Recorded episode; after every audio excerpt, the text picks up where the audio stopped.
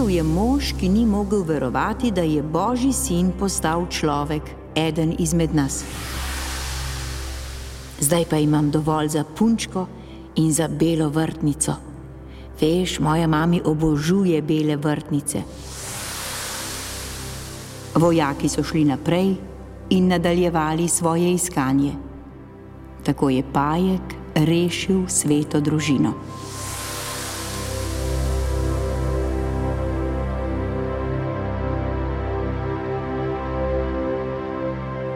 Slišali smo nekaj misli iz knjige Zgodbe za Advent in Božič, ki želijo približati vsebino božičnega praznika. Zbral jih je Božo Rustja, ki je ob rob zbirki Zgodbe za dušo povedal naslednje: Pripovedujem zgodbe, da bi pomagal ljudem živeti. Prisluhnimo nekaj zgodbam, ki jih je zbral in zapisal odgovorni urednik revije Ognišče.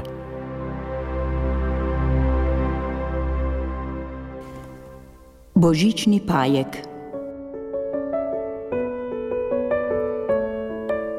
Legenda pripoveduje o zanimivem dogodku, ki sta ga na begu v Egipt doživela Jožef in Marija. Ko se je zvečerilo, si je sveta družina morala poiskati zavetje v votlini. Bilo je mrzlo in zjutraj je bila zunaj slana.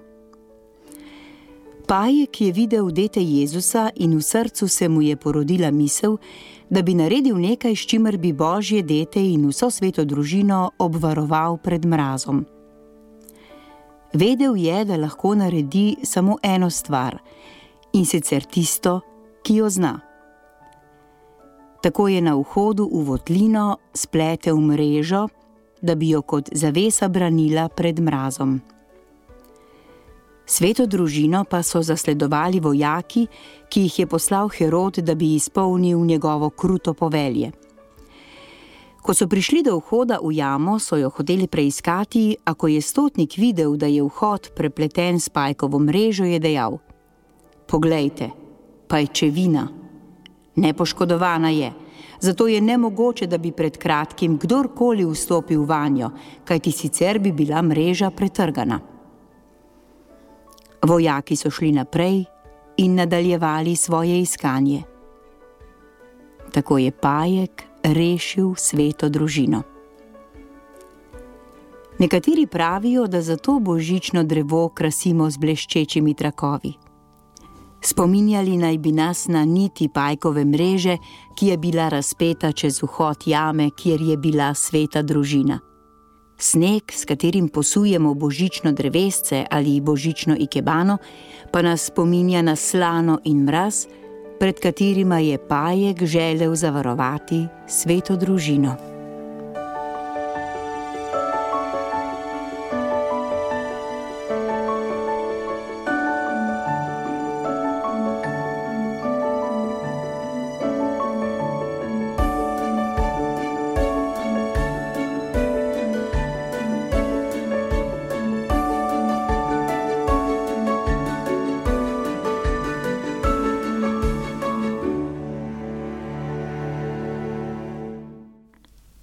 Božična zgodba, ki ni samo božična.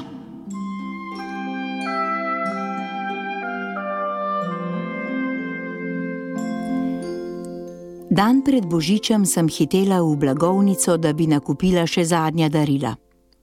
Ko sem zagledala množico ljudi, sem sama pri sebi začela tožiti. Joj, to bo trajalo celo večnost, pa še toliko drugih opravkov imam božični prazniki so vsako leto bolj neznosni. Ko bi se le lahko spravila v posteljo, zaspala in se zbudila, ko bo že vsega konec. Slabe volje sem se odpravila na oddelek z igračami, kjer so me vznemirile njihove visoke cene. Se otroci po praznikih sploh še pritaknejo teh precenjenih igrač? Med policami sem opazila petletnega fantička, ki je k sebi stiskal punčko. Žalostno je božal njene laske.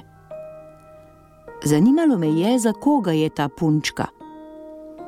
Fantiček se je obrnil k starejši gospe, ki je stala ob njem. Babi, si prepričana, da nimaš dovolj denarja? Ona je odvrnila. Saj veš, da nimam dovolj denarja za to punčko otrok. Naročila mu je, naj jo počaka tam, sama pa bo še malo pogledala na okoli. Odhitela je stran. Fantiček je še vedno stiskal punčko k sebi. Odpravila sem se k njemu in ga povprašala, komu bi rad podaril to punčko. Takšno punčko je imela moja sestrica najrajši in si jo je želela za božič. Prepričana je bila, da jo bo božiček letos spustil pod smrečico. Odgovorila sem mu, da jo bo božiček morda kljub temu prinesel in naj ne bo tako zaskrbljen. Žalostno je odvrnil. Tja, kjer je ona zdaj, ji božiček ne more prinesti punčke. Mamici jo moram dati, samo ona ji lahko odnese to punčko. Njegove oči so bile prepolne žalosti, ko mi je povedal: Moja sestrica je odšla k Bogu v nebesa. Očka pravi, da bo tudi mamica k malu odšla k njej. Zato sem ji hotel dati to punčko, da jo odnese sestrici. Srce mi je skoraj zastalo. Fantek me je pogledal in dodal: Očku sem naročil, naj ne pusti mamice oditi. Rekl sem mu naj počaka, da se vrnem iz trgovine.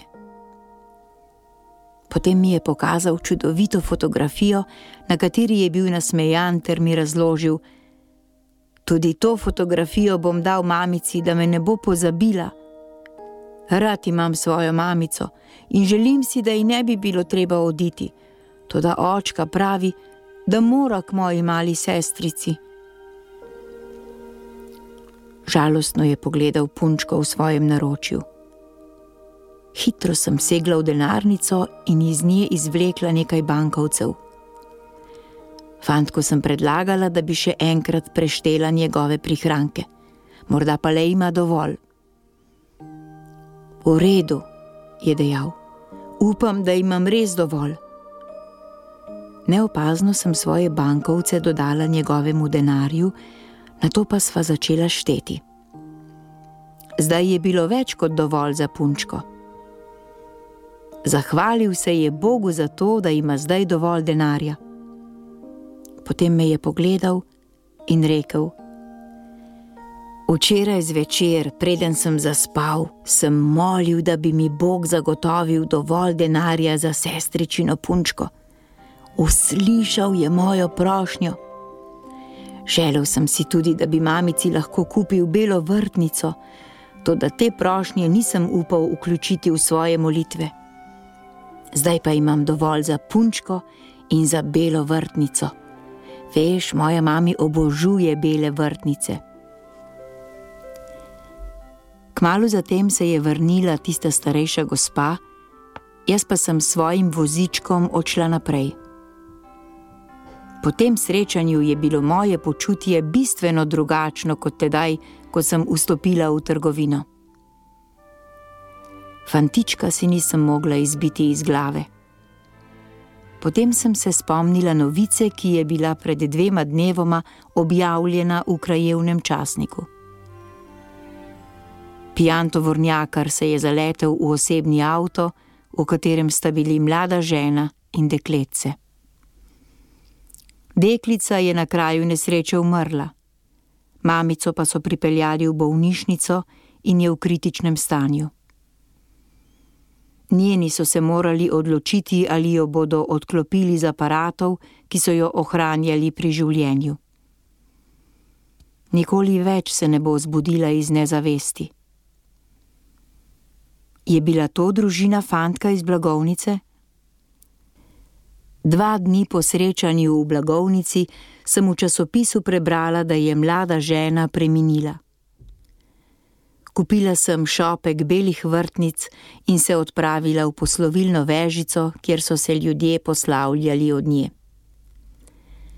Ležala je v krsti z belo vrtnico ter fotografijo fantka v rokah, na njenih prsih pa je ležala punčka. V solzah sem zapustila vežico.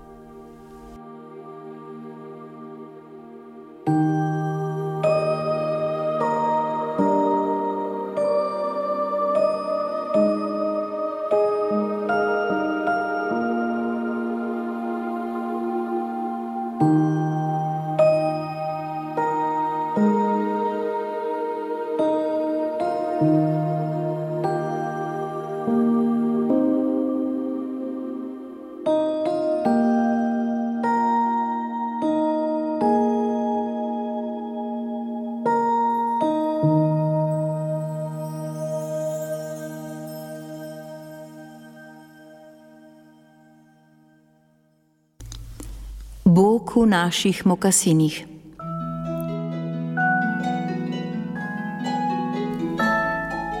Živel je mož, ki ni mogel verovati, da je Božji sin postal človek, eden izmed nas.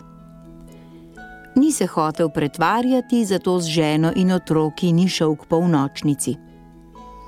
Kmalu zatem, ko so njegovi odšli v cerkev, je začelo snežiti.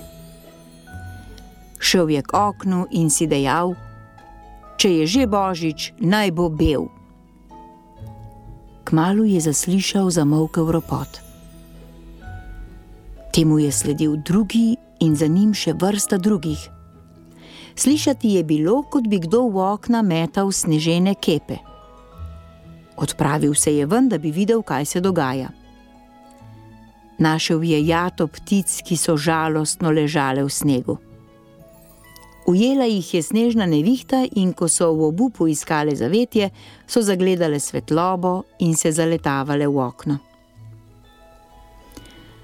Ne morem pustiti, da bi te drobne ptice zmrznile, si je dejal. A kako naj jim pomagam? Spomnil se je na skeden. Tam bodo našle toplo zavetje, je pomislil. Ogrnil si je plašč in se skozi sneg odpravil do skednja. Tja je postavil svetilko, a se ptice niso približale. Hrana jih bo privabila, si je dejal. Nasuje kruhove drobtinice, da je nastala nekakšna steza, ki naj bi ptice vodila do skednja, a niso šle naprej. Zato jih je poskušal nežno z rokami poditi proti skednju, a se je jata razbežala na vse strani. Naposled je mož dejal: tujec sem za te ptice. Bojijo se me. O, ko bi le našel način, da bi se jim približal in bi mi zaupale. Prav tedaj so se oglasili zvonovi v župnijski cerkvi. Mavče je prisluškoval, ko so oznanjali veselo božično sporočilo. Beseda je meso postala in se naselila med nami. Padel je na kolena, v sneg in zaihtel. O Bog, zdaj razumem, zakaj si moral postati eden izmed nas. V Jezusu se nam je Bog osebno približal. Postal je eden izmed nas. Če želiš zares razumeti ljudi, moraš iti mednje moraš videti, kar oni vidijo, in slišati, kar oni slišijo, živeti, kar oni živijo. Bog se nam je približal tam, kjer smo. Privzel je našo človeško naravo. Indijanski pregovor pravi: Ne govori mi, če prej nisi tri leta hodil v mojih mokasinih. Bog je nosil naše mokasine naše človeško telo 33 let. Zato nas popolnoma razume.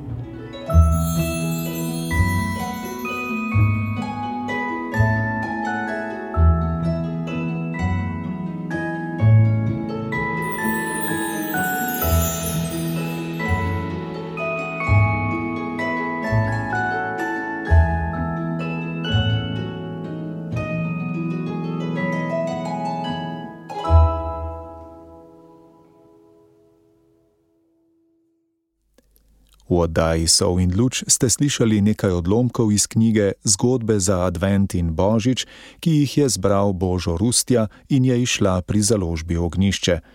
Brala je Mateja Subotičanec, oddajo pa sem uredil Tadej Sadar, ki vam ob slovesu želim obilo miru in blagoslova ob praznikih.